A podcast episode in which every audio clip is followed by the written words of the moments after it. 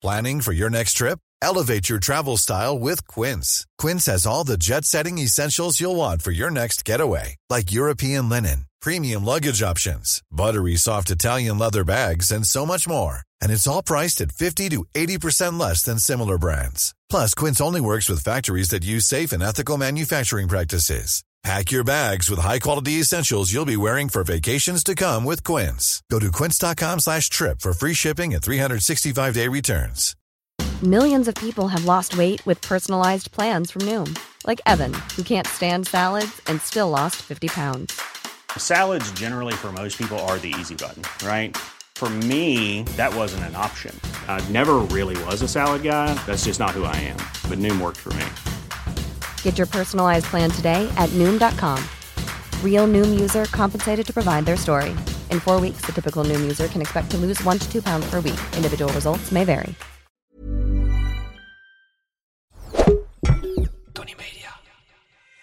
dat mijn nieuwsgierigheid naar dat te ontwikkelen ehm, het op een gegeven moment overgenomen had. Ik dacht, wat de fuck, ik ga dit gewoon doen. Dus zijn kok zat. En dan moet het een naam hebben. Dus op een gegeven moment ben ik me gaan verdiepen in, in dat wat reïncarnatietherapie heet. Of regressie-reïncarnatietherapie moet toch een naampje hebben in de wereld. en ik besefte op een bepaald moment wel dat hij niet meer in een fysieke vorm thuis kwam. Ook al zat daar heel veel ontkenning op. En dat ik hem moest zoeken in een niet-fysieke vorm. Nou, daar kreeg ik indrukken van realiteiten die voor het blote oog van een normaal mens niet zichtbaar waren. Dat heet met een mooi woord transpersoonlijk. Dan ga je ook zien dat er een logica huist achter het feit dat jij ooit voor deze vader koos. koos. Hè? Dat zijn gedrag, niet thuis te kunnen zijn, angst voor zijn moeder, ik zeg maar wat. Al die zaken in feite een leerproces voor jouzelf inhoudt. En die levensbeslissingen die, die zorgen dat je gaat doen wat jij doet, of wat ik doe, of wat zij doen. Maar die zijn allemaal gebaseerd op iets ingrijpends, iets dieps. Ja. En het is pas ingrijpend en diep als het even heel diep aan je, aan je sodemieter raakt. Ja. En dat heet dan trauma. Dus met andere woorden, het is gebruikelijk dat je dingen meemaakt. Ja.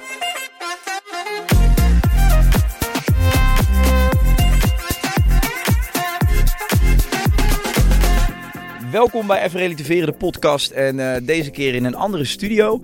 Eh, tegenover mij pleurt godverdikke me de hele boel in elkaar hier. Even serieus.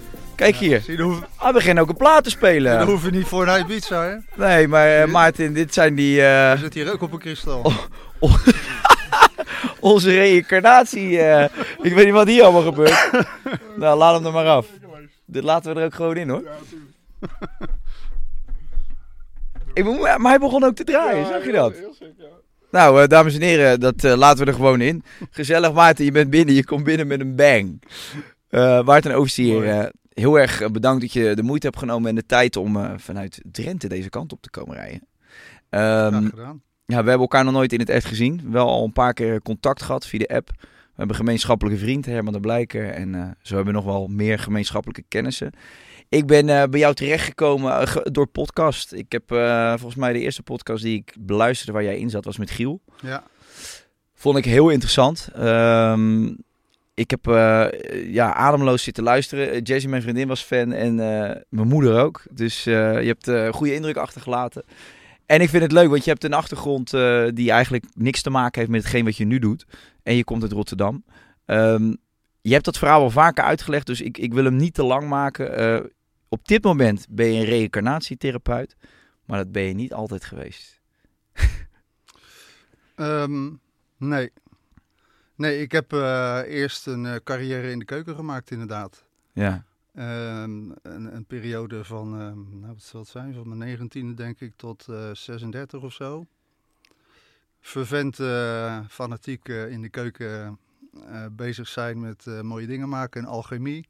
Ja, Maar ook een periode die me helpt om heel erg met de buitenwereld bezig te zijn. En op een gegeven moment eh, ja, was er nog een andere interesse eronder. En daar ben ik voor gegaan op een gegeven moment. ja jij noemde koken, of jij noemt koken alchemie, hè? Eh, ja, eh, ja, dat klinkt wat cooler dan dat je een beetje staat te koken natuurlijk. Alsof nee, je- maar ik vind het wel mooi transformeren van producten, van, van de, de, de, de magie van het koken eh, is hetgeen wat mij altijd onwijs aangesproken heeft. Ja, En, en nog steeds het eh, combineren van smaken en kleuren en überhaupt gewoon moeder aarde eh, op die manier eren. en, en, en degusteren naar iets, iets moois. Dat, ja, dat heeft mij altijd erg getrokken. Ja, en je noemt ook het contact naar buiten toe. Horeca is natuurlijk, je staat veel in contact met mensen, je ontmoet veel mensen. Dat, dat was iets wat je in die periode heel fijn vond? Ja, het is een, fa- een fase in mijn leven geweest waarin ik gewoon heel graag actief bezig wilde zijn. Ehm, le- letterlijk actief bezig zijn, doen, eh, managen. De hectiek en de turbulentie van het koksvak eh, vond ik geweldig. De magie van een keuken, de dynamiek. Het met een collectief werken aan één eh, doel. Iets moois creëren, koken. Ja. Dat heeft mij onwijs aangesproken. En nog steeds, alleen, eh, alleen ik ben wel blij dat ik het niet meer op dat niveau doe.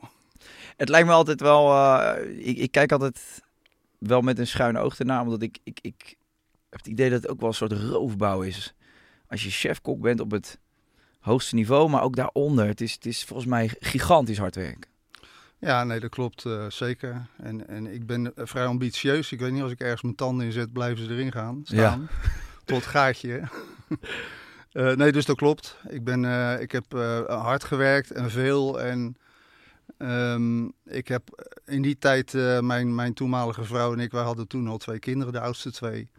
Maar ja, ik had wel door op een gegeven moment van als ik op dit niveau door blijf gaan, dan zien zij geen vader meer. Dan, dat wil ik helemaal niet. Nee. Ik heb dat zelf ook natuurlijk niet meegemaakt. Op een andere manier dan. Mm.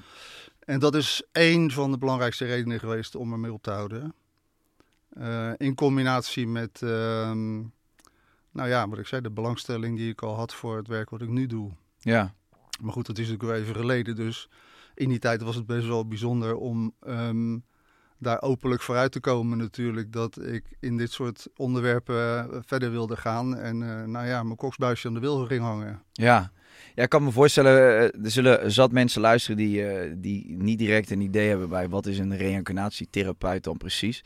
Ehm, ik kan me voorstellen als we een tijdje teruggaan in de tijd en dat, dat, dat chef-kok Maarten vertelt van jongens, ik, ik stop met de pannen en ik ga eh, reïncarnatietherapeut worden of iets in die trant. Dat daar wel eh, op gereageerd wordt van wat is dat? Ja, En- ja. Nou ja, maar weet je, kijk, het is. Ik vind, ik vind de naam van jouw podcast of interview even relativeren heel, heel fijn. ja, Eh, want ik vind het ook de moeite waard om dat wat ik nu doe te willen of te relativeren. Ik noem het met een chic woord demystificeren. mhm. Maar goed, oké, in die tijd. Ik had gewoon een aanleg voor. ehm, hoe zeg ik dat? eh, zonder te ingewikkeld te doen. Ik kon dingen aanvoelen en dingen zien die andere mensen niet zo snel zagen. ja, En dat wist ik al wel een tijdje. Hè? En ik heb ook heel lang daar onwijs mee lopen kloten. Ik wist niet goed hoe ik daarmee om moest gaan. Van huis uit heb ik daar helemaal geen, ehm, geen fundament over meegekregen, geen herkenning enzovoort. Dus dat, dat typeert nog maar weer even het belang van die horeca. Dan kun je lekker bezig zijn zonder dat je daar aandacht aan hoeft te besteden. was het een soort afleiding ook denk was een soort afleiding, ja. Maar goed, die gevoeligheid, daarmee deed ik al wel dingen zo nu en dan. Dat begint met vrienden die, die vastliepen of, of klachten hadden of ik weet niet wat. Die kon ik helpen met mijn handen eh, toen. En ik kreeg soms ingevingen, daar zei ik dan iets over. En dat raakte altijd een gevoelige snaar. Ja, En ehm, ja, dat sneed vaak zo diep hout dat ik dacht, het is zo fucking logisch eigenlijk wat ik hier eigenlijk doe. En het gaat helemaal niet eens niet alleen om mij. Ik bedoel, er zijn meer mensen die zich in deze materie ehm, bezighouden. mhm. Dat mijn nieuwsgierigheid naar dat te ontwikkelen ehm, het op een gegeven moment overgenomen had. Ik dacht, wat de fuck, ik ga dit gewoon doen. Er zijn kok zat. Ja. En groeien ook. Eh, ik heb een reden om dit niet te gaan doen of te blijven doen. Dus ja, ik heb gedacht van ik ga dit gewoon de wereld intrappen. En dan moet het een naam hebben. Dus op een gegeven moment ben ik me gaan verdiepen in, in dat wat reïncarnatietherapie heet. Of regressie-reïncarnatietherapie Mhm. moet allemaal weer een naampje hebben in de wereld. Ehm, maar die benaderingswijze ehm, eh, vond ik het meest logisch. Het verwerken van oud zeer, om het simpel te zeggen. En dan in een behoorlijke context. Dus reïncarnatietherapie impliceert dat je dan ook met vorige levens bezig bent. En de logica daarachter. Het voelde voor mij allemaal heel ehm, logisch. Alleen het was een vakgebied wat zich liet ontwikkelen nog. Het stond een beetje in de kinderschoenen. Ja. En zo is eigenlijk langzaamaan voor het ene veld het andere in de plaats gekomen. Ik eh, kan me voorstellen op die, op die leeftijd dat je, je voelt van alles, je merkt van alles aan jezelf. Misschien denk je wel heel lang dat dat normaal is, dat iedereen dat heeft. Want je- ja, je hebt ook niet echt mensen met wie je dat op dat moment kan ventileren. Of eh, er is op dat moment ook geen internet hè, waar, eh, waar, waar je informatie kan zoeken.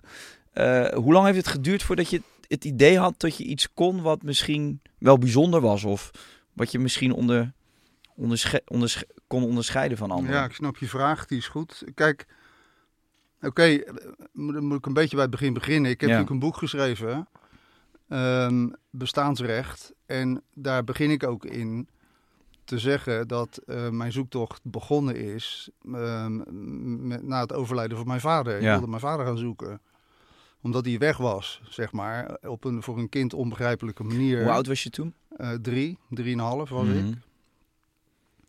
En zijn afwezigheid werd omlijst vanuit de familie met zoveel geheimzinnigheid. Dat het een soort verhaal moest worden dat hij op reis was. En mijn vader was exportmanager in die tijd van, van een bedrijf. Dus hij was al veel weg. Maar op een gegeven moment was hij eh, nou, naar Amerika op reis. En later werd dat de hemel. Hm. En toen dacht ik, ja, Was dat ter bescherming van jou, omdat ze dachten je bent te jong om het vrou- echte vrouw aan te kunnen? Ja, en dat exact. Ik heb nog een jonge broertje en die was toen twee. dus wij moesten het doen met diversie. Maar ik weet dat ik toen als kind al voelde van, what the fuck, weet je, dat verhaal, dit, dat klopt niet. Alleen, dan heb je niet het verbale vermogen om uit te leggen wat er dan is. Nee. Dus ik weet dat ik als kind besloot gewoon mijn vader te gaan zoeken. Hm. En dat is natuurlijk voor het verstand van een volwassene een rare eh, missie. Maar een kind heeft daar een dikke middelvinger voor. Ja. Ik ben dat gewoon gaan doen. En ik besefte op een bepaald moment wel dat hij niet meer in een fysieke vorm thuis kwam. Ook al zat daar heel veel ontkenning op. En dat ik hem moest zoeken in een niet-fysieke vorm. Nou, daar kreeg ik indrukken van. Dus dat betekent dat ik waarnemingen kreeg. Vaak met dromen al, of Mhm. voordat ik in slaap viel. Ehm, maar later ook overdag waarnemingen kreeg van realiteiten die voor het blote oog van een normaal mens niet zichtbaar waren. Kun je dat best omschrijven als... Hè, je leeft in, in, in deze 3D-realiteit en dat je, dat je een soort van schimmen voelde, zag, ervaarde. Die, die, die, door die langzaam door die realiteit heen kwamen en weer verdwenen? Of hoe zou je dat best het was soms zo concreet.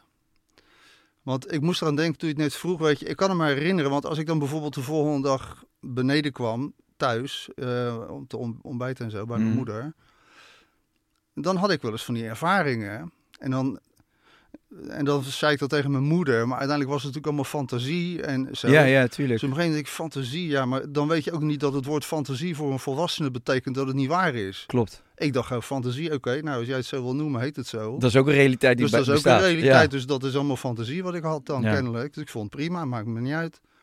Maar toen kwam er een keer in een later fase achter dat ze dat dus daarmee bedoelde dat het geen eh, echtheidsgehalte had. Ja. en ik weet nog een keer dat ik. ehm, ik had dat als kind vaker dat ik dan uittrad, zoals dat dan eh, heet. Overigens hebben heel veel kinderen dat. En Mhm. volwassenen soms ook nog hoor. Dat ik uittrad en dan kon ik uit mijn lichaam zijn en gewoon waarnemen zoals ik jou nu zie. Ik weet dat mijn oom, oma Aartje, ja. dat was de jongste broer van mijn vader. Nou, die was heel erg betrokken natuurlijk omdat zijn broer dood was, hè, mijn, mijn pa. Dus die kwam in die tijd geregeld bij mijn moeder zo op bezoek om s'avonds even wat te drinken en te kletsen enzovoort.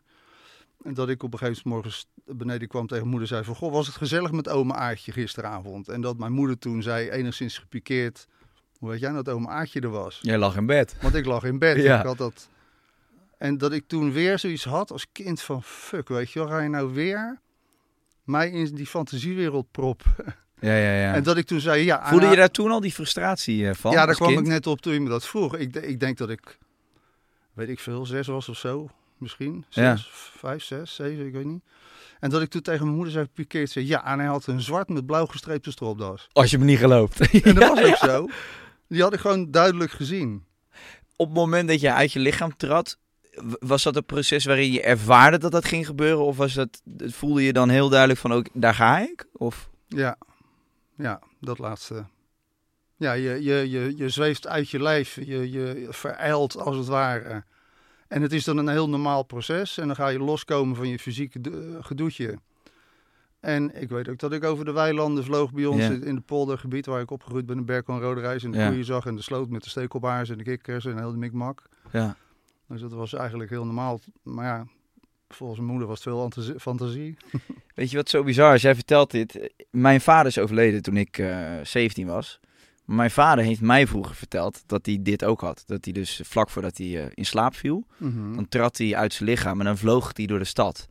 En dat vertelde hij me regelmatig. En eh, ik weet nog dat ik dat, ja, ik vond dat coole verhalen. Ehm, ik geloofde dat ook wel. Eh, maar tegelijkertijd dacht ik ook altijd van, ja, weet je, misschien was het gewoon wel. Toen ik ouder werd, dacht ik misschien wilde mijn vader me gewoon een leuk, spannend verhaal vertellen. En eh, mijn Ja. vader was sowieso een goede verteller. Dus. Maar la- later besefte ik me ineens, inzoomend op die gesprekken, dat dat echt zo was. En eh, hij beschreef dat ook gewoon. Hij zei, je vloog gewoon letterlijk door de deuren heen en dan, dan naar Ja. andere straten en door de stad. En ja, ik was altijd mateloos gefascineerd door, door, door die verhalen. Maar dat lijkt heel erg op wat jij nu eh, vertelt. Ja, precies. dat is ook zo. En kijk, maar wat ik zei van heel veel mensen hebben dit. Hè. Ik, bedoel, ik heb natuurlijk een praktijk, ik heb zoveel sessies gedaan Mm. inmiddels. Ik heb weet ik veel hoeveel duizenden verhalen gehoord van mensen. Weet je, en als ze dan bij iemand komen waar ze zich vrij voelen om, om over hun ervaringen te praten en zo. Mhm. Ja, dan hoor je dit aan de lopende band eigenlijk. Ja, dat mensen ervaringen hadden, eh buitenlichamelijk, of dat ze heel duidelijk een overleden opa of oom in de kamer zaten, of een overleden broertje of zusje, bla bla bla. Maar dat ze die verhalen allemaal binnenhielden, omdat het eh, voor de oren van het familiesysteem waar ze waren, dan nou, was het ook alweer fantasie. Ja. Of gaf geen weerklank, of het riep te veel emotie op. Dat is ook vaak wat er Mm. gebeurt natuurlijk. Hè? Dus als je er dan over begint, dan wakkert dat het verdriet of de pijn of de shock, weet ik wat aan van de betrokkenen. En dan moet jij je kop houden. Ja. Dus het is heel normaal. Kijk, en het is eigenlijk heel abnormaal dat wij dit, dat het zo raar geworden is. eens. Als je ziet wat tegenwoordig de maatstaf is, dan denk je zo, hallo, wie, wie, is, de, wie is er gestoord? Is, is een zij. Het is gewoon zo omgedraaide wereld. Ja, absoluut. Ja, ik, ik, ik, ik, verbaas me, maar dat heb ik mijn hele leven al. Ik heb me altijd zo verbaasd over dat er een soort, er is een soort van één lezing van dit is de wereld. En eh, er zijn nog wel wat mensen die, die, die hangen een geloof aan. Er zijn mensen die geloven in een oerknal, whatever. Maar het is, dat, dat is het dan maar. En ik heb altijd naar de hemel gekeken, naar de sterren of naar het heelal. En gedacht van, ja maar jongens, er is zoveel dat we niet weten. Hoe kunnen we er nou van uitgaan dat het allemaal maar zo is ontstaan en dat dit het dan is. En dan, hè, dat doen we in dat potje en dat doen we in dat potje. En voor, voor de rest niet te veel vragen stellen. Ja. Zolang de wetenschap eh, er geen antwoord heeft, dan gaan we er niet meer door. Ik heb me altijd gefascineerd over alles. Eh, ook van jongs af aan al. Altijd gedacht van, ja, maar hoezo, hoezo, hoezo is dat op die manier gebeurd? Wie zegt dat? Ja. Maar ook altijd opengesteld voor, eh, voor andere mogelijkheden. Ehm, nog even terug naar, naar die, die leeftijd, want die is volgens mij ook belangrijk. Eh, jij zei net over dat stukje fantasie. Ik had dat boek van eh, Christina van Drijen gelezen. Ik weet niet of je die kent. Ja. Dat meisje uit Zwitserland, voor de mensen die luisteren haar niet kennen. Een meisje die eh, ja, ook bijzondere gaven heeft. Ze is als tweeling geboren. Volgens mij heeft haar zusje het niet gehaald. Zij Ja. wel. Veel te vroeg geboren. Ehm, ja, paranormaal begaafd of hoe je dat ook wil noemen. Ze kan in ieder geval inchecken met, met van alles en nog wat. En zij beschrijft in dat boek ook dat je, als je kinderen hebt, dat je nooit heel erg moet oppassen met zeggen van, nee, maar dat is maar een fantasie of dat is niet waar. Omdat je als kind tot je zevende zeker is, dat je derde oog een stukje verder open en neem je veel meer waar volgens mij dan, Mhm. dan volwassenen. Klopt, is dat een beetje... Ja, dat is absoluut waar. Kijk, en als je nu wat eh, in deze wereld kijkt wat er allemaal gebeurt en je gaat onderzoeken. I'm Sandra, and I'm just the professional your small business was looking for. But you didn't hire me because you didn't use LinkedIn jobs. LinkedIn has professionals you can't find anywhere else, including those who aren't actively looking for a new job but might be open to the perfect role, like me. In a given month, over 70% of LinkedIn users don't visit other leading job sites. So if you're not looking on LinkedIn, you'll miss out on great candidates like Sandra. Start hiring professionals like a professional. Post your free job on linkedin.com/people today. Mm, dan zie je natuurlijk ook dat van kinds af aan letterlijk door allerlei invloeden die dat derde oog, dat verwijst naar de pijnappelklier, Ja, eh, afgesloten raakt natuurlijk. En er een andere waarheid voor in de plaats komt. En die waarheid is een gecontroleerde waarheid. Hm. En dat is natuurlijk de omslag waar we in deze tijd om zitten. Dus dat, dat is ook de pijn van, van het verlies van een deel van jezelf. Mhm. En vaak ook dat deel wat super authentiek is. Ja. Wat werkelijk nog ingeklikt is op spiritualiteit. En Ja. dat het normaal is dat je elkaar aanvoelt. En dat het normaal is dat je inzage hebt en contact kunt hebben met ongeziene werelden. Sterker nog, dat als dat niet de aandacht krijgt die het soms behoeft, je totaal ontwricht als mens. Ja, we zijn zo compleet afgestompt van de natuur Ja, eigenlijk. zeker. Met, met een achterliggende agenda notabene. Ja, Waardoor wij natuurlijk iets heel anders door onze strot gedouwd krijgen. ja, Over waarheid en wetenschappisme en weet ik veel wat allemaal. ja. Ja, we- wetenschap is ook een soort he- heiligdom geworden. Als, het, als de Ja. wetenschap, maar het is wel makkelijk om mee te schermen natuurlijk. Als de wetenschapper roept, dan klopt het. En anders, eh, Ja, maar kijk, het is natuurlijk gewoon mijn ontdekkingstocht geweest. En daar ben ik nog steeds in, in zo'n praktijkvoering van zoveel jaren. Dat de gemeenschappelijke delen van wat al die mensen kwamen vertellen natuurlijk is... dat ze door allerlei omstandigheden, van huis uit al meestal... eh, van zichzelf ontkoppeld zijn geraakt. hmm, En je dan in een systeem terechtkomt waarin je gaat conformeren aan verwachtingspatronen die opgesteld zijn door allerlei systemen. Je daar heel veel energie in gaat verbruiken. Om er op een bepaalde leeftijd achter te komen dat je helemaal niet doet wat je eigenlijk vanuit je ziel wil doen. ja, En dat is, als je dat duizenden keren gehoord hebt. En je weet ook wel dat ze dat niet met elkaar afgesproken hebben, die mensen. Dan snap je natuurlijk wat, wat er eigenlijk leeft. Ja, en daar hoef je eigenlijk nog niet eens een praktijk voor te hebben. Want als je gewoon Nee. in de omgeving kijkt. eh, ik, zie, eh, ik zie in mijn eigen omgeving vrienden die, die, die studies zijn gaan doen. eh, om- omdat ze denken dat het, dat het moet. Of omdat dat door thuis uit, vanuit huis uit wordt aangestuurd. Of door andere externe factoren. Vervolgens iets gaan doen. eh 35, 36 zijn. En ineens beseffen van wauw, ik zit al tien jaar op een kantoor. eh, ik, volledig afgestompt van mijn zielsmissie. Ik, want ik, ik geloof gewoon dat iedereen een zielsmissie heeft. Ook een talent. Als je, gewoon, als je het nog simpeler maakt. Iedereen heeft gewoon een talent. En ik ben ervan overtuigd dat iedereen ook hier op aarde is gekomen om dat talent verder te ontwikkelen. En daar iets mee te doen. En een bijdrage te leveren voor Ja. zichzelf, maar ook voor de wereld. En zoveel mensen zijn ongelukkig en, en, en zitten in een soort robotstand. Ja. Ja. Nee, dat is, dat is precies zoals het is. Eh, Ik ben heel veel met eh, de Indianen opgetrokken.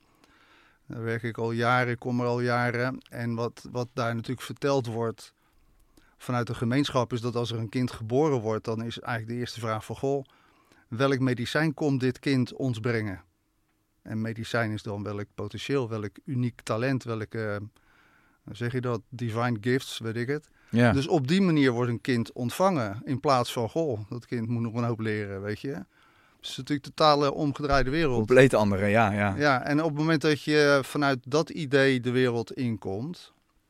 en opgevangen wordt in een familiesysteem... dan blijf je ook in de basis een stuk erkenning onderhouden... in relatie tot je ouders en je voorouders. ja. En als dat je fundament is voor het leven... Nou, dan, dan leer je, zoals zij zeggen, je eigen lied wel zingen. Ja, ja, precies. En dat vind ik prachtig. En iedereen zoekt nu hier naast naar zijn eigen lied. Ja, Want ze zingen alleen maar dat wat ze door de strot geduwd hebben gekregen. ja, exact, ja. Ja, ja ik, kan het heel, ik kan het simpel zeggen. Ik weet dat het niet makkelijk is. Hè? Ik bedoel, ik heb zelf ook eh, door dik en dun moeten gaan. En soms nog steeds. Maar ik vind dat, die metafoor zo prachtig. Ja, En iedereen die herkent het ergens wel van binnen. Dus dat is een soort oerprincipe. klopt. Ja, je spreekt heel erg tot de verbeelding. Laten we eh, nog even teruggaan naar eh, die periode. Je gaf net aan dat je, dat je op jonge leeftijd al van alles merkte.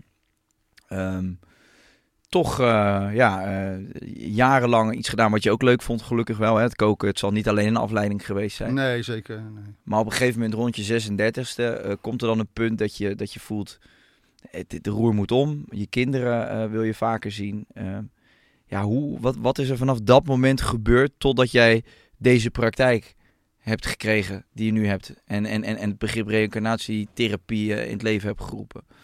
Wat zijn de stappen Ja. geweest? Ik had, eh, wij woonden toen in Vlaardingen. Ik had een kamertje op zolder waar ik wel een sessies deed. Zo nu en dan. Mondjesmaat, één keer in de week, één keer in de twee weken kwam er altijd wel iemand. En dan had ik ook in mijn agenda staan, dan komt die en die voor zus of zo. Dat werd geleidelijk aan, werd dat steeds meer. Dus dat deed ik al een beetje naast mijn chef-kokbaan. Eh, nou, het was zelfs zo dat ik, eh, ik zei het laatst ook een keer tegen iemand, maar dat ik in, in het Parkhotel was ik eh, Mhm. toen een kantoor had met een luxeflex. En op het moment dat de luxeflex naar beneden was, wist iedereen dat de chef in bespreking was. Ja, Ja, dus maar dan was ik met iemand aan het werk. En dat werd een soort gedoogd. ja, Hè, zelfs uit het managementteam kwamen ze wel eens langs om even eh, dit en dat te doen. En dan moet, dat er waren gewoon, eh, mensen kwamen bij jou met problemen van, joh Maarten, kan ik eens met je praten? Dan- Personeel of eh, collega's, weet je wel, met bepaalde klachten. nou, dan moet je bij de chef wezen. Ja. dus zo nu en dan s'morgens bij de cappuccino en dan met een sigaretje nog, ja. ging dat, was dat al gaande. En wat voor problemen brachten ze bij je? Dan kan je daar nog een voorstelling Ja, ik kan dat er één wel verklappen, want die heb ik ook in mijn boek geschreven. Vergeet ik nooit, het was de toenmalig F&B-manager. Die had ehm, een chronische last van zijn hoofd. Een Ja. soort eh, nou, migraine zal het geheten hebben. En die kwam de enige, regelmaat kwam die bij mij op kantoor. We hadden ook dingen zakelijk te bespreken, vanzelfsprekend. Maar dat vloeide soms even over, zoals olie en azijn. Hè? Dan ja, ja. Werd het ineens dressing. en dat hij vertelde dat hij dan die pijn in zijn kop had en zo. En dan was het zo dat als ik mijn handen daar dan oplegde, dat deed ik dan vijf minuten. hè, Dat hij daarna voelde gewoon dat het veel rustiger was. Ja. Maar goed, het was wel zo dat hij steeds bleef terugkomen. En ik na verloop van tijd had van ja, ik heb natuurlijk hele coole handen. hè. maar waarom blijft die lon nou steeds terugkomen, weet je? En op een bepaald moment eh, deed ik zo'n behandeling, zeg maar. En toen zag ik, kreeg ik een beeld te zien, echt heel duidelijk, een flash van een man in een kostuum, in een donkerblauw kostuum met driedelig. En, ehm, en, die, en die was een jochie van 7, 8, weet ik het, met een opgevouwen krant flink tegen zijn kop aan het slaan. Ja? Flink eh, hengsten op dat kopje met een opgevouwen krant. En ik vertelde dat tegen eh, mijn collega. En die herkende zijn vader erin. Zijn vader was al langer overleden. Dus die moest huilen. Hij werd emotioneel. En hij zei: van, Ja, jeetje, dat deed mijn vader heel vaak. Dan kwam hij thuis en dan was hij, eh, had hij een onvoorspelbare bui. En dan ging hij zich afreageren op zo'n manier. Op hem. Ja, op hem. En hij sloeg dus echt tegen zijn hoofd. Ik had echt wel door van ja, als je dit over een bepaalde regelmaat eh, te verhapstukken krijgt, dan ga je natuurlijk een chronische pijn in, Ja, je, in je kop opslaan. Maar het bleek dat hij die hoofdpijn, dat dat heel erg verergerde toen zijn vader overleed. En toen begon ik ook wel door te krijgen, ah ja, ik snap het wel, want die pijn die houdt hem aan zijn vader vast en vice versa. Mm. Hè? Dus dan gaan er even andere programma's draaien. Nou, ik had dat aangeraakt en toen was ik nog lang niet zo geheid en, en ontwikkeld in het werk wat ik nu doe als, als nu. Maar die kwartjes die vielen wel. En hij had toen, vertelde ook dat hij daarna ehm, een, een droom had gehad waarin hij ehm, beleefde dat zijn pa in zijn droom kwam. En dat daar een soort afscheid had plaatsgevonden, maar heel diep en heel emotioneel. Ja. Heel eh, genuine, hoe zeg je het, oer. Ja. En sindsdien eh, was die hoofdpijn gewoon eh, vertrokken. En toen dacht ik al van ja, zie je, zo werkt het natuurlijk gewoon. Al die, al die fysieke klachten die je kunt hebben als mens, het maakt niet uit wat het is. Daar kun je aan peuteren. Kijk, in de reguliere geneeskunde gebeurt dat sowieso. Maar je kan spiritueel ook symptomen bestrijden natuurlijk. Hè? Ja. Maar in feite zijn al die klachten natuurlijk ehm, ehm, zeg maar eh, residuen van gebeurtenissen die zich concreet hebben afgespeeld. Dat kun je trauma's noemen. Trauma's, ja. Dus die klachten zijn eigenlijk de, de residuen van die, van die verhalen. En die verhalen die willen gehoord worden. Ja. Die moeten verwerkt worden. En dat voelde ik toen al zo duidelijk. En toen had ik ook zo, soms heb je in het leven zo'n paar van die momenten. En dan gebeurt er iets en dan denk je, fuck, nou snap ik hem. Klik. Pang. Ja. Nou, dat was er zo een. En toen dacht ik van, het werkgebied wat het meest ehm, daarop toespitst, verwerkingsprocessen, dat is inderdaad regressie, reïncarnatietherapie. Dus jij zag eigenlijk een, eh, een link in, eh, in allerlei soorten klachten die mensen hadden. Eh, met gebeurtenissen die ze misschien al hadden weggestopt onder het tapijt. eh, Ja. niet, niet per se meer heel bewust van waren.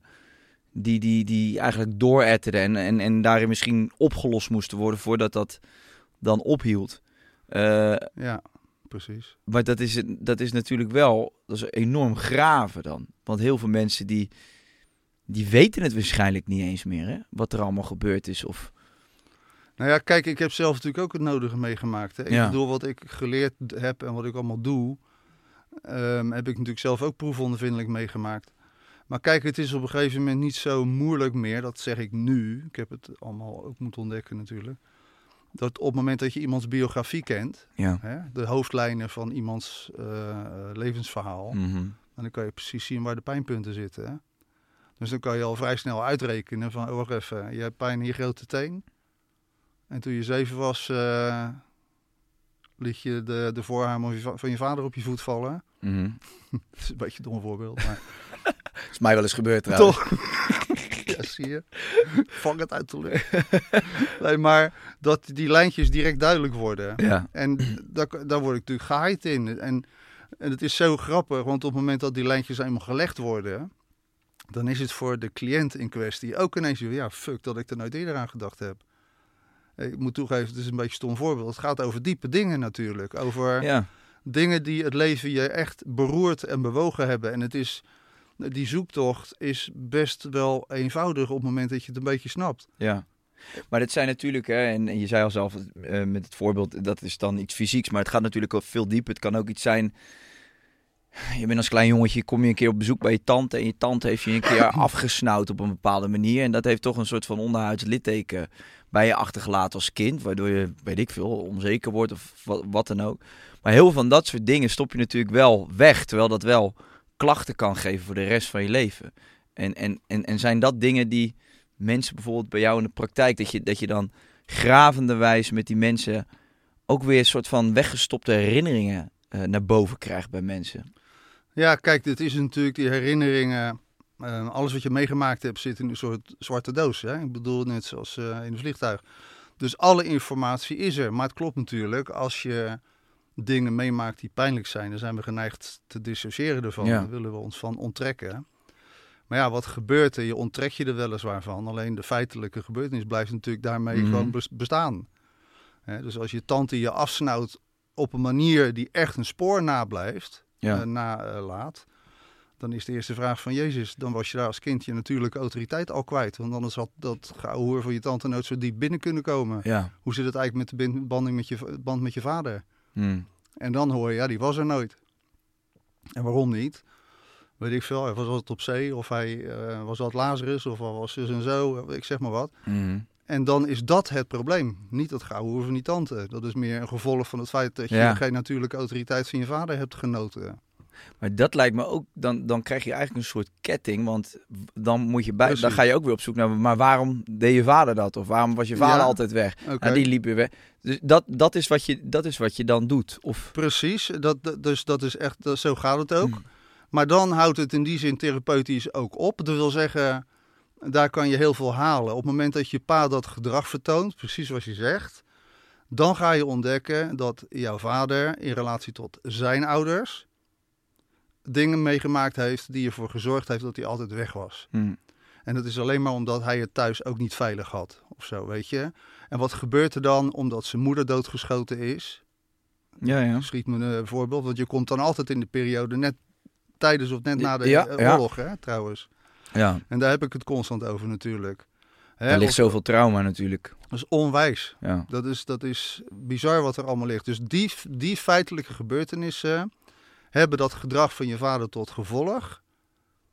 En op het moment dat je de pijn van die kindtijd uit je vaders leven kunt voelen, als je de lijntjes kunt leggen en de betrokken opa's en oma's daarin ook kunt incorporeren in je systeem, dan houdt het trauma op. Ja. Dat is een verwerkingsproces op een diep emotioneel niveau. Die jou eh, uitlegt of die jou laat voelen van... ah, maar dat verklaart het gedrag van mijn vader. Hmm. Wat zegt dit eigenlijk over mij? Is, dat, is dat dan vergiffenis? Wat, wat het trauma oplost? Ja, vergiffenis is natuurlijk een beetje een woord... wat heel veel associaties oproept bij veel mensen. Dus ik zou ook zeggen, ja, Klinkt een beetje kerkelijk natuurlijk, maar precies, daarom. ver- vergeef je het je vader dat, dat, dat hij Ja. je dan met die krant op je kop heeft geslagen bijvoorbeeld? Precies, maar dan is het wel belangrijk dat, te benadrukken dat het, het vergeven niet plaatsvindt alleen maar omdat je snapt hoe het zat, maar omdat je het doorleefd hebt. Hmm. Snap je? Er zijn heel veel mensen die. Enfin, er zijn heel veel mensen die zeggen: Ja, ik heb mijn moeder vergeven hoor. Eh, Met een ritueel en een hoop salie en Keltische zeezout en al dat gedoe meer. Hè? In de regendans. In je pa zei, kan je het zo denken. Ja, ja, ja. maar op een diepere laag is de boel onveranderd. Ja. Hè? En dan ga je ook zien, want dan wordt het wat, wat eh, nou dat heet met een mooi woord, transpersoonlijk. Dan ga je ook zien dat er een logica huist achter het feit dat jij ooit voor deze vader koos. koos Mhm. hè? Dat zijn gedrag niet thuis te kunnen zijn, angst voor zijn moeder, ik zeg maar wat. Al die zaken in feite een leerproces voor jouzelf inhoudt vanuit door levens heen. En dan ga je ineens op een diepe laag begrijpen van godverdomme, dit was de beste pa die ik had kunnen hebben. Want aan hem leer ik nu voor mezelf. Wauw, ja, ja. Snap je? En, en, en dat systeem, dat heb ik niet bedacht. Ja, dat hebben we met elkaar misschien bedacht als Mm. Great Spirit. Dat is het systeem waar het in het werk wat ik doe onwijs om draait. Dat dat logisch wordt op een diepe laag. Dat daar een zingevingsstuk komt, een stuk bewustwording over het gedrag van pa en ma, ouders, voorouders. En dan zie je, wat ik in mijn boek ook beschrijf, altijd van het is altijd de kerk en of de gevolgen van de Tweede Wereldoorlog Mm. in grote lijnen. Die, die gigantische afscheidingen en pijnen en gedragsrariteiten hebben gecreëerd. Schuld, schaamte, boetedoening natuurlijk vanuit die tijd van onze Schaamte, schande, schuld. Ja. Eh, ik noem dat schuld- en splijtbeleid. Mhm. Om te zorgen dat mensen in een angstmodus zitten. En als ze in een angstmodus zitten, dan zijn ze gewoon ehm, onwijs ontvankelijk voor ehm, indoctrinaties van buitenaf. Ja. Kijk maar aan wat voor tijd we leven, want de geschiedenis blijft zich herhalen Mm. natuurlijk. Nou ja, en dan, dan kun je mensen in een, ehm, in een manipulatief veld houden. En dat is eigenlijk de bedoeling. Maar op het moment dat je je pa weer voelt van binnen, in dit voorbeeld, dan krijg je daarmee niet alleen je pa terug, maar daarmee ook je eigen autonomie. Ja. En, en dan ben je veel minder ontvankelijk voor de inwerking van autoriteiten buiten Hmm. jezelf. Met stropdas over het algemeen. Ja. Ik, eh, als ik dan inzoom op mijn eigen situatie. Mijn, vader overleed toen ik 17 was. Daarvoor eh, vijf jaar heftig eh, alcoholist geweest. Ehm, ons niks aangedaan. Eh, dus, dus geen losse handjes of iets die trant. Vooral heel veel medelijden gevoeld voor mijn vader. En, en, en ook wel getraumatiseerd door dingen die ik heb meegemaakt met hem. Hoe ik hem vooral heb gezien. Dus, dus gewoon verdriet om wat mijn vader zichzelf eigenlijk aandeed. En ik weet dat het eh, in het begin bij mij heel veel, vooral heel veel frustratie was. Dat, mijn vader was een intelligente man en eh, die kwam uit een klein arbeidersgezin in, in Limburg. Was mega slim, zijn broers ook allemaal trouwens. Eh, is uiteindelijk dokter geworden, is daar ja, nooit echt heel gelukkig in geweest. Is dus zoiets gaan doen waarvan hij dacht, ik, ik moet dat arbeidersgezin misschien wel on, Redden. Ja, of ontgroeien en, en veel, eh, ehm, ja, ook wel veel, denk ik, druk gevoeld vanuit huis uit. Omdat alle broers heel slim waren en allemaal gingen studeren. En, maar ja, ik denk als, me, als, ik, als ik incheck met mijn vader, dat die, dat die had het liefst gewoon lekker in de tuin gewerkt, weet je wel. Met zijn handen lekker, eh, lekker tuinieren of iets in die trant. Maar uiteindelijk eh, toch voor eh, al die studies Misschien gegaan. dat je wel reïncarnatietherapeut willen worden. Bijvoorbeeld, hè? ja. dat was het toen. En dan maar- tuinieren als hobby. als die bij jou misschien een keer in het restaurant een borreltje was komen doen, had je misschien nog kunnen overtuigen. Maar die, die wegen zijn elkaar niet gepasseerd. Maar ehm, ja, dus uiteindelijk heel ongelukkig geworden. En lang verhaal kort, eh, hij is overspannen geraakt. eh, gewoon omdat hij zijn zielsmissie volgens mij niet aan het vervullen was. En eh, gewoon totaal niet op zijn plek zat. Eh, vrij neerslachtig ingesteld ook. En daar is hij niet meer uitgekomen. Nou, drank als medicijn gaan gebruiken. En de rest ja, is gewoon heel tragisch afgelopen. En ik heb mij daar heel erg over gefrustreerd, omdat ik het gewoon heel zwaar vond om te zien dat, dat, dat, dat hij, zo- zo'n slimme, intelligente man, eigenlijk zichzelf zo naar de vernieling heeft geholpen. Later, toen ik wat ouder was, ik ben daarna eh, naar Thailand gegaan om een soort van eh, te reizen op jonge leeftijd. En dat was voor mij best wel therapeutisch, want toen keek ik met een vergrootglas eh, op mijn leven in Nederland. En later ben ik me heel erg gaan, eh, gaan kijken naar die situatie van, ja, ik kan, ik, kan, ik kan woede blijven voelen of frustratie blijven voelen, maar welke les kan ik trekken uit hetgeen wat mijn vader eh, me eigenlijk heeft laten zien? En het klinkt misschien een beetje raar, en, en, maar, toen kwam er bijna een soort eh, dankbaarheid. Eh, bijna voor de lijdensweg die hij heeft eh, ondergaan. Omdat hij heeft mij onbewust op een harde manier zoveel geleerd, ook over het leven. Omdat ik gezien heb hoe hij vastliep. Dat was voor mij een mega motivatie om, om dingen anders te doen. En ja, ik zei toen ook eh, tegen mijn moeder van, ja, op een gegeven moment een paar jaar daarna, ik heb dat, het heeft wel even tijd gekost, maar ja, ik zie het nu gewoon, als je zo'n harde levensles krijgt, dan, dan moet je er ook maar wat mee doen. Want die Mhm. les heb je niet voor niks gekregen. En de, nu, nu, nu voel ik eigenlijk zoveel rust en ehm, vrede ook bij mijn vader. Omdat ik ook, ik voel hem nog altijd heel dichtbij. Ik heb ook het idee dat hij dat hij daar op dit moment veel beter af is. Weet je ik heb die struggle gezien die hij geleverd heeft hier. Maar ik ben op een hele rare manier dus dankbaar voor hetgeen wat hij mij heeft laten zien, zeg maar. En ik merkte wel toen ik dat voor mezelf kon kantelen ook, dat er toen ook heel veel rust kwam. En dat die frustratie en die woede eigenlijk over, eh, over die situatie eigenlijk min of meer verdween. En Ja. ik kan ook nu heel, heel fijn met hem inchecken, weet je wel. Ik voel nul wrok of ik voel nul boosheid. Ik voel alleen maar warmte en ik voel de man die die was daarvoor. En ik zie zijn verslaving ook echt als een ziekte en niet als iets wat, eh, eh, wat hij voor de lol heeft gedaan. Maar da- daar, daar, daar zit ook een beetje zoiets in van dat je op een gegeven moment... Ja, maak je een soort haakje en dan, dan draai je hem een soort van om. Voor mij heeft dat wel heel veel gedaan. Dus ik kan me voorstellen dat in het verwerken van trauma... dat, dat ehm, ook het begrijpen van waarom is je moeder zo geweest zoals ze is geweest... en waar kwam het bij haar vandaan... Ja. dat dat enorm veel lucht schept in die situatie. Ja, want daar draait het natuurlijk om in het werk wat ik, eh, wat ik doe. Kijk, eh, hè, als, als jij dit verhaal zou inbrengen, weet je, dan, dan, is het, dan, dan is het een onderzoek waard om te ontdekken wat er in de geschiedenis van opa en oma, dus de Ja. ouders van je pa, zich hebben afgespeeld. En dat ga je altijd vinden. Hè? Hoe kom je, ja, dat, sorry dat ik je onderbreek. Hoe kom je daar bijvoorbeeld achter? Want ik zou niet zo snel weten, mijn opa en oma leven allebei niet meer, hoe ik dan nog bij die informatie kom. Nou ja, eh, kijk, op de eerste plaats kun je gewoon op basis van de feitelijke eh, biografische eh, dingen die er zijn, wanneer ze geleefd hebben, waar ze woonden, Mhm. Eh, waar ze kerkelijk ingesteld, eh, weet jij of er overledenen zijn geweest, of de kindjes misschien doodgeboren zijn, weet ik veel. Mhm. Hebben ze met de oorlog te maken gehad. Dus al die fragmenten die wel bekend zijn, die kun je gebruiken om een vrij nauwkeurige reconstructie te maken van wat de pijnpunten daar geweest Ja. moeten zijn. Om te beginnen, dat is natuurlijk mijn werk, daar ben ik geheid in. Mhm. Dus dan haal je de hoofdlijnen wel uit. En dan is het natuurlijk zo dat het mogelijk is wanneer je in een wat diepere afstemming bent, in trance zeg maar. Dat zijn wij nu eigenlijk ook. Mhm. Ze zijn heel geconcentreerd met elkaar bezig. Dat is, dus dat is een beetje trance.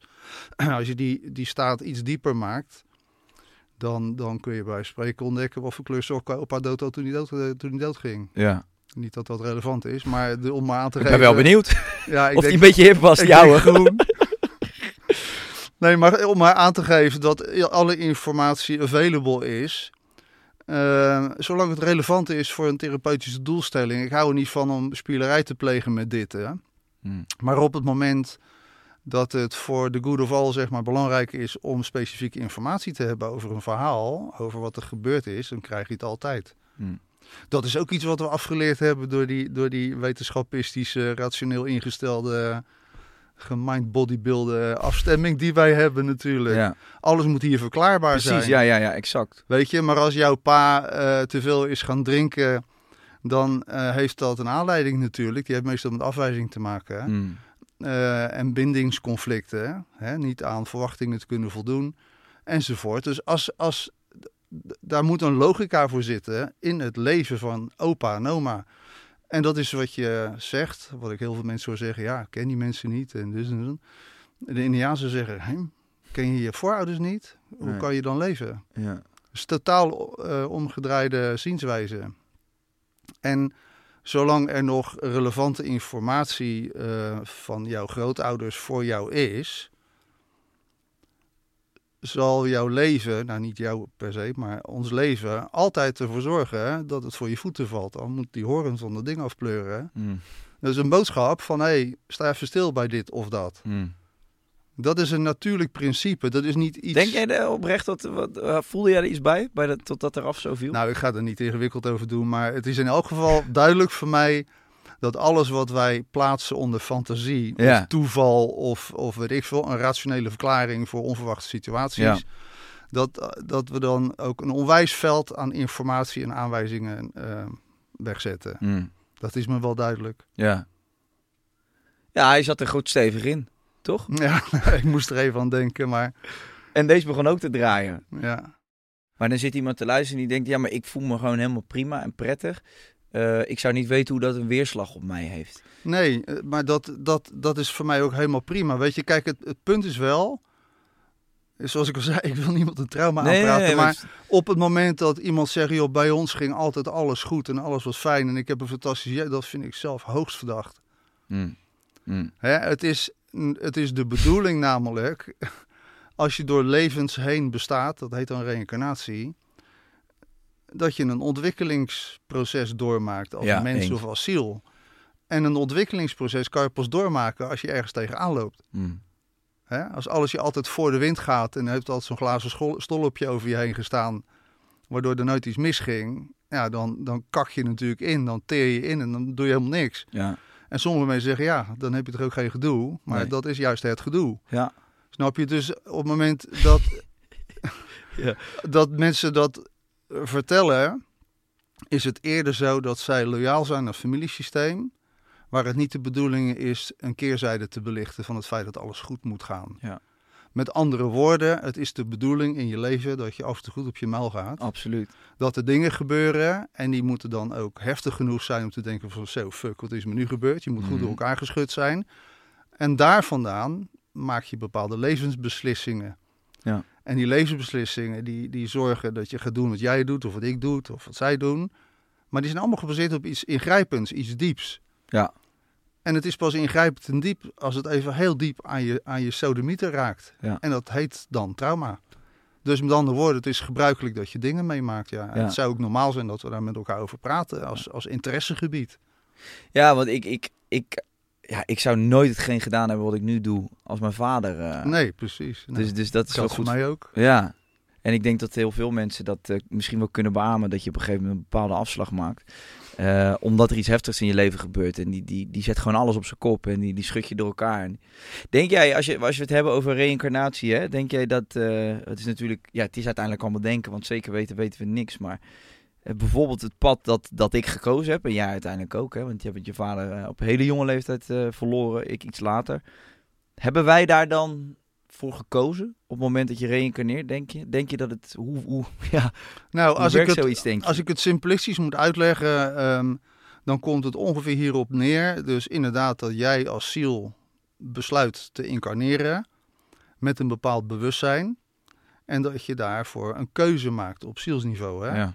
Om bij die vader en die moeder terecht te komen. En die vader en die moeder die maken deel uit van een familiesysteem, constellatie.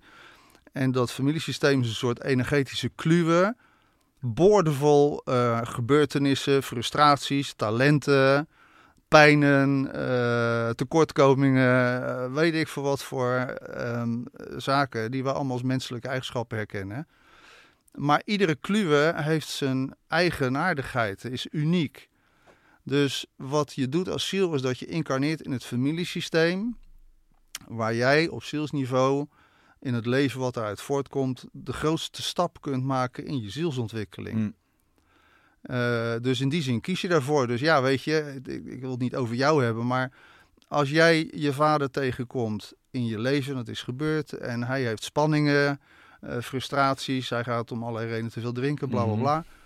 Dan krijg je een spiegel voorgehouden van je vader op iets waar je zelf een ontwikkeling door te maken hebt. Ja. Dus dat is simpel uitgelegd hoor.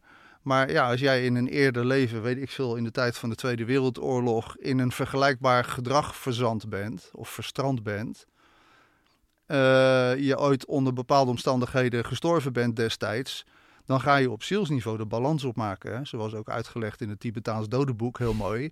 Dan ga je een soort balans opmaken van eh, wat is mijn unfinished business? Wat, waar ben ik aan voorbij gegaan? Wat heb ik te doen? Wat is, wat is voor mij belangrijk om ehm, aandacht aan te gaan besteden? Dus alles wat je dan in dat vorige leven nog niet ontwikkeld hebt, dat, je krijgt eigenlijk een soort van nieuwe kans om dat Precies. te ontwikkelen.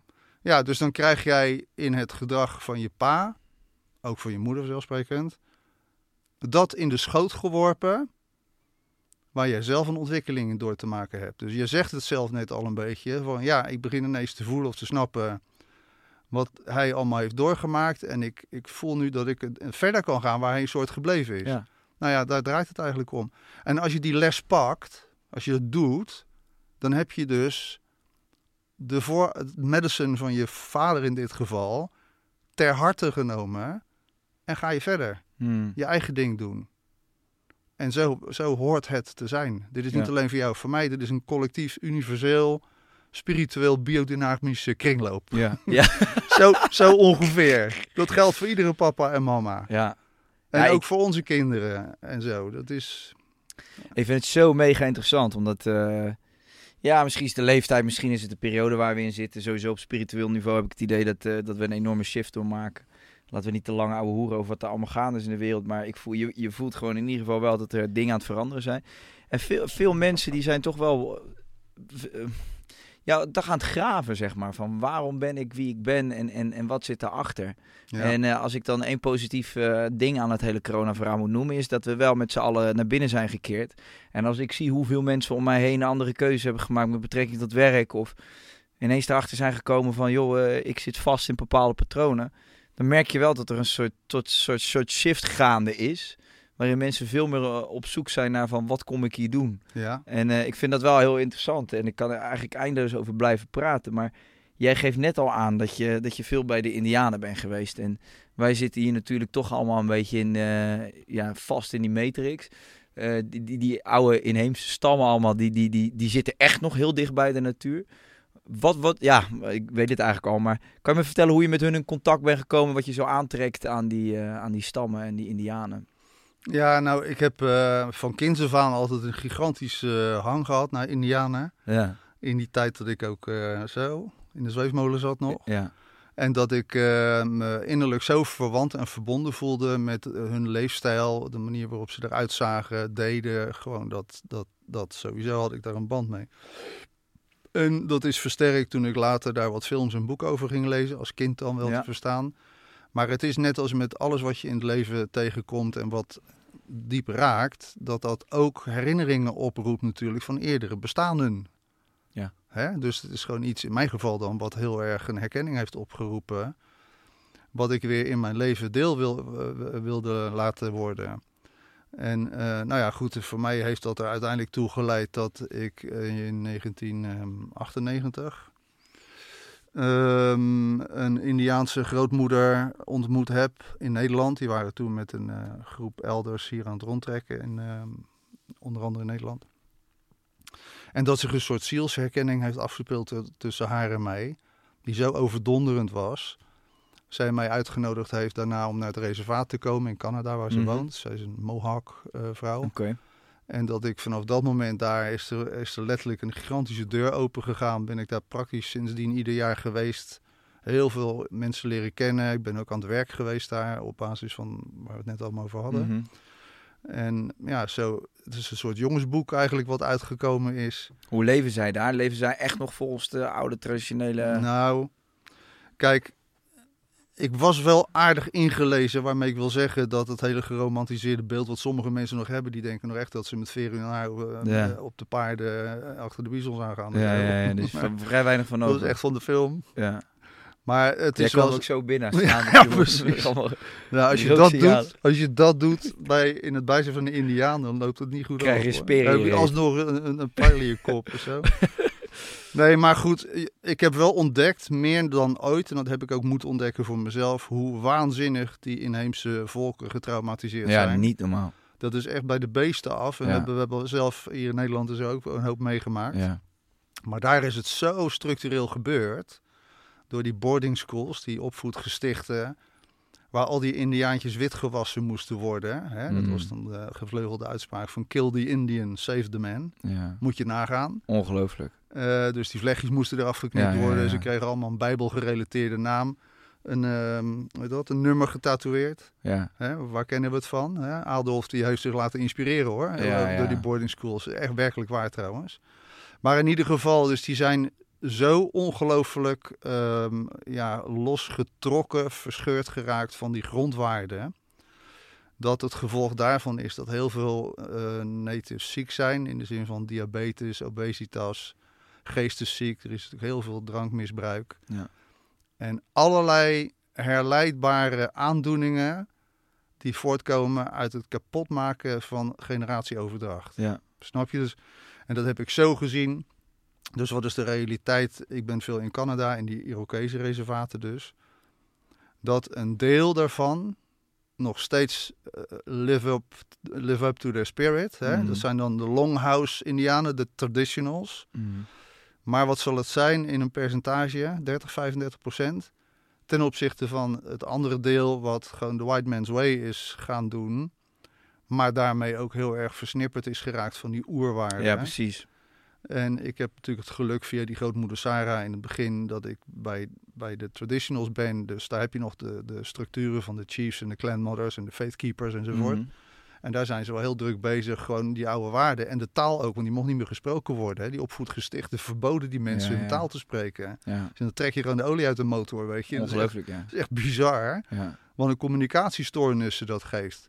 Als je, als je bedenkt, dat heb ik daar ook met, met werk ontdekt, hè, dat heel veel jonge mensen, jonge Indianen dan zeg maar, eh, allerlei eh, hoe heet, eh, schildklierproblemen. Het is een epidemie aan schildklierproblemen. Maar als je daarover nadenkt, denk je, jezus man, wat er in al die voorouderlijke generaties niet is uitgesproken, of wat er niet uitgesproken mocht worden, ja, precies. op straffen van naalden in je tong en stukken zeep in je kop, Ja. waarin je dacht dat je stikte. Dus dan snap je dat energetisch die schildklier natuurlijk een soort fuik is geworden Ja. van alles wat niet ge- uitgesproken kon worden. Ook namens je voorouders niet. Die natuurvolken misschien wel daardoor zo getraumatiseerd zijn geraakt, omdat zij, zoals ze het zelf ook zeggen, de keepers zijn van de oorspronkelijke eh, richtlijnen over hoe hier op aarde te leven. Ja, ja. En daarin vertellen ze ook het belang van het kennen van je dromen. Eh, het, het begrijpen van je dromen. Ze, ze vertellen ook over het belang van het kennen van je voorouders. Ja. Het gaat alleen maar over ancestors. ja. Al die grondwaarden. verklaart wat, wat jij... ja, dus ja. als je dat niet hebt, zoals ik zeg, dan ben je stuurloos. Nou, dus die stammen die zijn meer dan ooit kapot gemaakt. Ja, Ik denk om die reden. ja. Ik ben net in Zweden geweest. Als je in Noord-Zweden komt, heb je daar natuurlijk de Lappen. Dat moet je eigenlijk niet zeggen. De Sami. Hè? Mhm. Maar dat zijn de Indianen van, van Scandinavië. ja. Precies hetzelfde gebeurt. Ja. Er zat ook die kerk en de overheid bovenop om al die gasten eh, gewoon onder de duim te houden. Ik had eh, in januari heb ik eh, voor het eerst de ayahuasca gedaan in Costa Rica.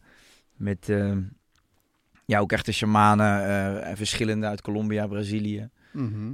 Ehm, ja, ik vond dat ook, wat jij, wat jij net beschrijft. Wij zaten een week eh, echt in een, in een retreat afgesloten van de buitenwereld. Dus het was sowieso, voor mijn zintuigen was het echt een, eh, een verademing. Ik stond open tot de max. En niet alleen door eh, plantmedicijn, maar ook gewoon eh, omdat je gewoon niet op je telefoon kijkt. Geen afleiding hebt, Ja. alleen maar met jezelf. Je bent ingekeerd. Mooi. Heel hele mooie ervaring. En dan in Costa Rica en een prachtige natuur. Maar wat jij zegt, ik, ik herken dat wel. Weet je, ook met die shamanen had ik wel direct zo'n soort van. Ja, dat gaat door een paar lagen heen of zo. Hoe, hoe zou ik alleen al kijken of naar het weer. Ja, ik weet niet. Dat, dat, je komt heel dichtbij een soort oergevoel. Wat, wat, wat dus in ons allemaal zit. Maar waar we gewoon eigenlijk bijna nooit bij komen. En ehm, ja, ik heb ook wel altijd. eh, eh, Indianen ook wel altijd heel eh, fascinerend gevonden. Ja. Hey, ben jij, sorry dat ik van, van- de een naar het ander Nee, ga, maar het sluit er wel op uit. Ben, heb jij iets met, met spirit animals? Geloof, je, geloof jij dat wij allemaal een soort spirit animal hebben? Zeker. Ik, ik heb bij mij het gevoel, ik heb heel een hele sterke band met honden en, eh, en wolven. Ik zie sinds kleins af aan zie ik altijd in dromen ook wolven en zo voorbij komen. Ja. En dat doet mij ook altijd, linkt mij toch ook altijd vaak op de een of andere manier aan Indianen. En eh, dat, ehm, dat vind ik ook tof aan Indianen. Dat zij, zij respecteren dieren en, eh, en, en spirit animals is daar volgens mij ook een heel groot eh, onderdeel van. Ja, het zijn, nou, eh, het zijn onze relatives. Ja. Ik bedoel, dat is zo prachtig in die teachings van die natives. Dat, dat dieren natuurlijk allemaal hele specifieke expressies zijn van Great Spirit. ja. Die door hun voorkomen, hun vorm, hun eigen naardigheden, hun lifestyle en habits enzovoort. In feite allemaal eh, boodschappen afgeven aan de mensen. Hè, wat je kunt doen onder bepaalde omstandigheden. Mhm. Dus er bestaat geen object ter wereld, eh, van een auto tot, tot weet ik niet wat allemaal, wat niet gebaseerd is op de vorm van een, van een dier bijvoorbeeld. Mm. Dat is een leuk boek trouwens, mens of en insect. ja. Moet even denken aan die, aan die, eh, aan die eh, auto van Max Verstappen, maar dat is natuurlijk ook op een, eh, op een wesp gebaseerd. Oh ja, is dat zo? Ja, en dat al die, al die eh, vertaalslagen van die dieren, die ook in dromen natuurlijk jou komen vertellen wat voor jou belangrijk is om in acht te nemen. Mhm. eh, in feite gewoon het, het legioen is van Great Spirit om ons mensen te helpen te oriënteren hier op deze planeet. En eh, weet niet, als je, als je bijvoorbeeld bedenkt dat veruit de meeste kleine kinderen altijd een beer in hun bed hebben. dan kan je ook denken, ja, wat is de boodschap ervan? Mhm. Als je, als je gaat zien in de teachings van al die natives, is de beer ehm, de spreekbuis van moeder aarde in het westen, Ja. van het vrouwelijke. Mhm. Dus, dus de beer helpt je moeder om extra binding te maken in de fase waarin je nog heel eh, kwetsbaar bent. Ja. Vandaar dat die beren overal liggen, over het algemeen. Zo, overal zit een verhaal achter. En wie dit nog vreemd vindt, die loopt echt achter de feiten aan hoor. ja. ja, die moet zich misschien zo langzamerhand achter de oren gaan krabben. Ja. En zich afvragen van welke boodschappen zij dan serieus nemen. En wat daar nou het werkelijke betekenis van is. Want dan draai je hele andere programma's. Mm.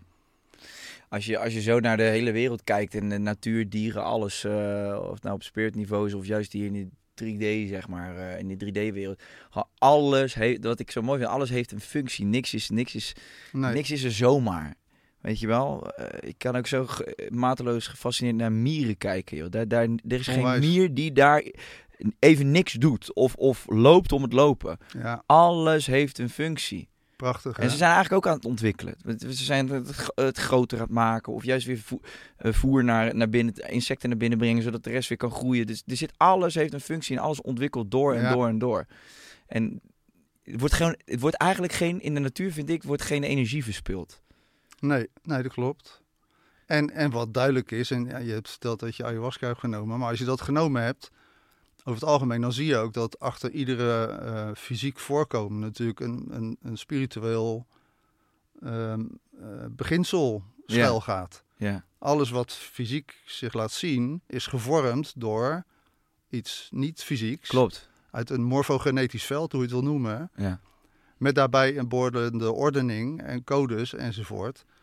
En daar zit het oer, de oerkracht in, of daar zit het oerpotentieel in. Dus iedere eekhoorn die zich in de fysieke stof laat zien, heeft zich gevormd, heeft is ge- geweefd, geweven, ge- Gewoven? gewoven. Ik weet het ook niet. Ons weefsel Ja. is geweven Ja. vanuit een eh, energetische codering met een daarbij behorend specifiek eekhoorn medicine. Ja. En nou ja, het feit dat alles wat wij hier doen, laten en zien en te horen krijgen, gebaseerd is op alleen maar de aannames van de fysieke logica. ja, precies. Terwijl je dat er helemaal niet in betrekt. Nee. Ja, waarom denk je dat er zo'n enorme transformatie nodig is waar we nu in zitten? Ja. Om mensen weer in te laten klikken op die waarden. Ja. Iedereen, ik zei net al, iedereen die daar nog, eh, die dat raar vindt. Ik zeg, die loopt achter de feiten aan. Ja. Dat bedoel ik niet vingerwijzend. Nee. Hoewel wij natuurlijk al heel lang gigantische bakken met rationele eh, dingen over ons heen hebben gekregen. Terwijl dat eigenlijk weer de grondtoon van de samenleving zal moeten worden. Ehm, als jij eh, kijkt naar eh, jouw praktijk en de mensen die bij jou, bij jou langskomen. Je hebt natuurlijk een boek geschreven, je, je, je zit in verschillende podcasts. Je naam is de afgelopen tijd bekender geworden, denk ik, dan, dan voorheen. Althans, voor het groot, wat grotere publiek. Ja. Word jij makkelijker gevonden door mensen in het algemeen? Heb je het gevoel dat mensen steeds makkelijker durven te praten over dit soort dingen? Dat mensen steeds meer op zoek zijn? Zie jij een verandering zelf? Ja, dat is ronduit ja. Ja. Kijk, ik doe dit natuurlijk al een tijd. En een hele lange periode deed ik dit in een wereld waarin het allemaal nog vreemd en nieuw was voor veel mensen. Mhm. Eh, maar ja, nu is het ineens de tegenovergestelde waarheid ingetreden. De bom is letterlijk gebarsten. ja. Iedereen die loopt vast in zijn, in zijn overlevingsstrategieën en al zijn toestanden. En massaal gaan ze natuurlijk zoeken naar mensen eh, die al wat vooruit liepen. Mhm. Om, eh, om aan zichzelf te werken. En ja, dat is nu de tendens. Dus ja, ik weet niet. Ik, het, is, het is drukker dan ooit. Het is, het Ja. is te gek voor woorden dat, het, dat zoveel omwenteling nodig is om mensen weer eh, echt op zoek te laten gaan.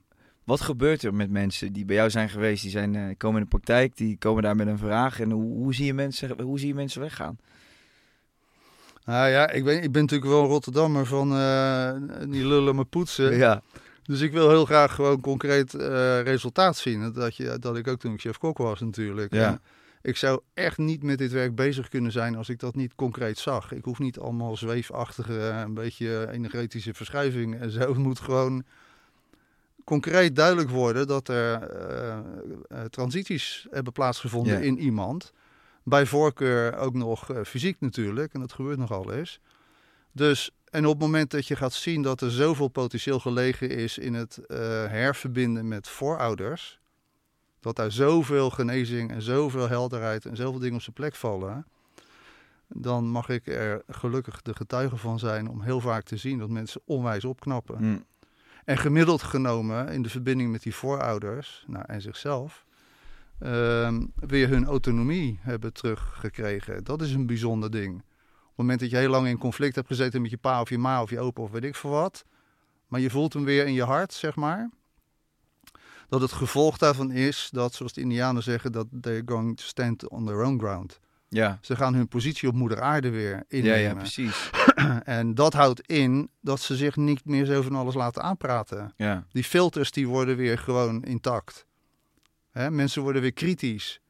Omdat ze de verbinding met hun voorvaderen weer ervaren.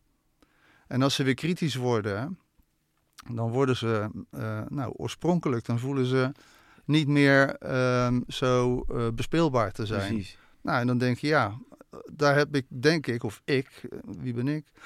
maar ik heb er wel een belangrijke boodschap in, want ik zie dat constant gebeuren. Ik krijg het constant beproefd. Ik zou wel eh, het van de toren willen, willen roepen. Is er een bepaalde leeftijd van mensen die bij jou terechtkomen? Of is het, is het van alle leeftijden? Nee, het is van alle leeftijden. Ik krijg ook kinderen in de praktijk. Ja. Vanaf eh, drie, vier, vijf soms. Ja. Tot mensen die zeer senior zijn, zeg maar. Ja, ja. Ja, nogmaals, ik heb je een tijd geleden natuurlijk een bericht gestuurd van eh, ik wil een keer langskomen. Toen zat ik in Spanje en eh, volgens mij zat jij ook ergens. Toen zei jij heel terecht van joh, eh, online is toch anders hè, als je dat via een scherm gaat doen. Omdat je ook gewoon fysiek tegenover elkaar wil zitten. Ik, ik wil het nog steeds een keer doen. Lijkt me, het lijkt me heel interessant. En ehm, ik, ik, denk, ik denk sowieso dat het voor iedereen heel interessant is om te kijken van hoe, hoe zijn onding- dingen ontstaan. En dan, ik denk ook als je kijkt of luistert, en het, dit is geen verkooppraatje voor, voor Maarten nu van de Galmen naar Maarten. Eh, whatever, doe, doe ermee wat je wil. Eh, maar gewoon het feit dat je, dat je er eens achter komt van hoe lopen die familiebanden nou. Het- en dit is wat- helemaal wat het is, ja. en wat is daar nou gebeurd? En, en als dat zu- zuiverheid, helderheid en zo kan scheppen. En je misschien uit, eh, ja, uit een soort, soort conflict kan halen met jezelf. Dat is, dat is, ja, ik kan me niet voorstellen dat. dat is voor iedereen is dat eh, zinvol. Het enige wat ik kan doen is dat mijn leven er tot nu toe eh, uit bestond om hier heel veel over te mogen leren en, en ervaren door mijn praktijk. En ja, dan gaat er een eh, natuurwet in werking, dan moet je het uitdragen. Ja. Dat geldt voor iedereen. En eh, dit is precies wat jij zegt, de spijker op zijn kop. Eh, Mensen hoeven niet meer naar mijn praktijk te komen, want ik zit gewoon vol. Ja. Het is niet meer te doen, weet je. Maar het is absoluut zo dat eh, ik de term voorouderlijk besef op peuter- en kleuterscholen al wel weer zou willen introduceren. Ja. Dat je hebt te begrijpen op een op kind afgepaste manier vanzelfsprekend. Mhm. Wat er gebeurd is met papa of mama of opa of oma. En dat ook de zaken die we vaak geneigd zijn bij kinderen weg te houden, juist ter sprake moeten brengen. Wetende in ons achterhoofd dat kinderen juist incarneren om ja, die ja, feiten. precies. Dus het is belangrijk als opa verongelukt is of oma heeft zich misschien wel van het leven beroofd. Om daar op kindtijd al mee aandacht aan te geven. Hoe zou, je dat, hoe zou je dat aanpakken? Ik kan me voorstellen, hè, dat, eh, ik geloof dat je gelijk hebt. Ik kan me ook voorstellen dat dat, dat he- lastig is om... eh, nou, papa, papa pleegt zelfmoord en eh, mama blijft alleen over. Ja, Ja. kindje is drie. Hoe gaan we dat gesprek Ja, aan? maar goed, het is dus zoals je het zo noemt, eh, als, als, als je vader zelfdoding heeft gepleegd, inderdaad. En ik kan nu wel zeggen dat, dat kinderen op zielsniveau incarneren bij een vader die daar kennelijk eh, een aanleiding of een aanleg toe heeft. dat het voor een kind belangrijk is om te ontdekken wat er gebeurd is met papa, Mhm, wat daartoe heeft bijgedragen. ja. En als dat kind uitgelegd krijgt op een liefdevolle, afgepaste manier vanzelfsprekend, dat papa misschien toen hij klein was zijn jongere zusje verloor, Mhm. zeg maar wat Ja, ja, ja. En dat eh, oma eh, daar papa eigenlijk een soort verantwoordelijk voor gesteld heeft, waardoor hij altijd dacht dat hij het niet goed gedaan had of zo. Ja, ja, dus een concrete aanleiding voor iemand als die bijvoorbeeld zelf kinderen krijgt, om er een eind aan te maken. Hè? Dat het van vitaal belang is voor zo'n kind om daar besef over te krijgen. Eh, hè, dus het moet niet allemaal te in- intellectueel zijn, je moet het ter sprake brengen. En laat ze dan maar een tekening maken voor papa, ja. of zo. Ik, weet, je, weet je wat, het is natuurlijk zulke brede materie. En de spiritualiteit heeft natuurlijk ook een beetje een, een, soort imago bij dan de mainstream van oh, zweverig dit en dat. Wat ik wel prettig vind aan jou is dat je, dat je dit soort dingen probeert ook, ook, ook praktisch te maken. En volgens mij is dat ook, eh, ik merk ook aan mezelf dat als ik, ik luister heel veel podcasts van van alles en nog wat. Ik, ik haak meestal af als het te veel uh, bloep, bloep, bloep is. Ik vind Ja. prettig als we in deze wereld, we zitten hier in een fysieke wereld en er is heel veel wat we niet begrijpen of wat we kunnen aanraken. Ik vind het wel prettig als we gewoon in dit leven dingen ook wel praktisch gemaakt kunnen Zeker. krijgen. En zeker wat jij net al zegt, niet lullen maar poetsen. Ik vind dat ook, weet je. Ik, eh, ik geloof dat we allemaal een zielsmissie hebben en onszelf moeten blijven ontwikkelen. Maar we moeten wel hier fysiek in praktijk dingen ook uitvoeren. En ik denk wel, eh, hoe meer ook, ook deze, deze kant van, eh, van het leven op een praktische manier uitgebeeld kan worden, denk ik ook dat je daar steeds meer mensen ook door aanspreekt. Ja. Ja, nou je zegt het mooie. Ik begon ehm, of in het gesprek met ons het woord demystificeren in te brengen. Ja. Op basis van even relativeren. Volgens Ja. mij hebben we dat best wel gedaan. Ja. En dat vind ik echt het allermooiste wat er is. Want kijk, weet je, eigenlijk zou er een camera eh, in mijn praktijk moeten hangen. Ja. En dan kan iedereen bij spreken, dat gaat niet, want het is te private natuurlijk, die verhalen. Ja. Als iedereen een week mee zou kunnen kijken in mijn praktijk, dan is gewoon iedereen ineens om. Die zien gewoon hoe echt het is. Hoe duidelijk begrijpelijk het is. Hoe niet gekunsteld. Hoe niet eh, gefantaseerd en alles waar al die mensen die vooroordelen over hebben. Het is dat het zo ongelooflijk normaal, integraal onderdeel zou moeten zijn van het menselijk bestaan. Ja. Naast poepen en plassen, lekker eten, dansen, een beetje vrij. En, eh, Ja. Ja. Gewoon dat. eh. Maar het feit dat we dat niet doen, betekent dat we spiritueel zo armoedig zijn geworden. Dus eigenlijk zou seks gewoon reïncarnatietherapie moeten noemen. Nou ja, weet je, dat is. eh, geen, gaan die gordijnen weer dicht bij Maarten. geen seks is geen reïncarnatie natuurlijk.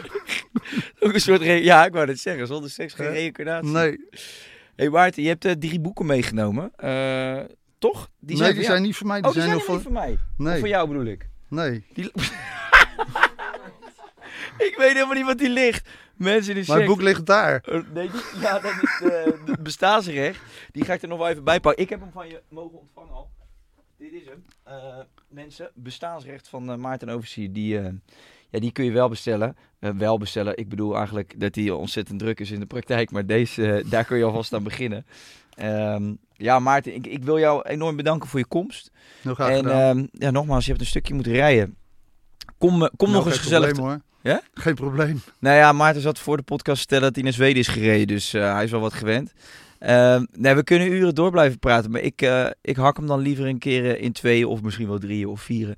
Kom nog een keer terug en dan gaan we nog op andere onderwerpen diepen. Want ik, van man, dat is het leuke aan dit. Je weet, je weet niet alles, maar daardoor kun je ook eindeloos blijven eh, eh, doorpraten en fantaseren. En oh ja, fantasie mogen we misschien niet meer benoemen. Nou, natuurlijk wel. Maar eh, je snapt wat ik bedoel. Het is lekker dynamisch dit hoor. Ja, toch? Ja, absoluut. Voor de mensen die gekeken hebben, allemaal hartstikke bedankt. Kijk je op YouTube, dan moet je even... Dat, je moet niks. Kijk, daar gaan we al. Je mag dan even abonneren. Je mag dan ook even op de like-knop drukken. En je mag ook een reactie achterlaten. Want dan eh, gaan we mee in het algoritme van de techgiganten. Ehm, en voor de rest eh, nog... eh, ja, nee, voor de rest niks. Kunnen ze... Ja, je, je hebt, jij maakt niet echt veel gebruik van je Instagram of iets, hè? Nou, ik zelf niet, maar ik heb wel iemand die dat doet Kijk, voor me. op een gegeven moment kom je op dat niveau, dan laat je dat allemaal regelen. Zijn reïncarnatie zit Nou dat ja, allemaal het komt dat mijn niveau toereikend is. Iemand bij de Indianenstam die fixt dat allemaal. Eh Maarten Oversier gewoon hè, op Instagram. Ja. Nou, Maarten Ja, Oversier. ik geloof praktijk Maarten Oversier, maar dan kom je er wel. Praktijk Maarten Oversier. Dankjewel nogmaals. Heel Jullie bedankt voor het kijken slash luisteren. Doei!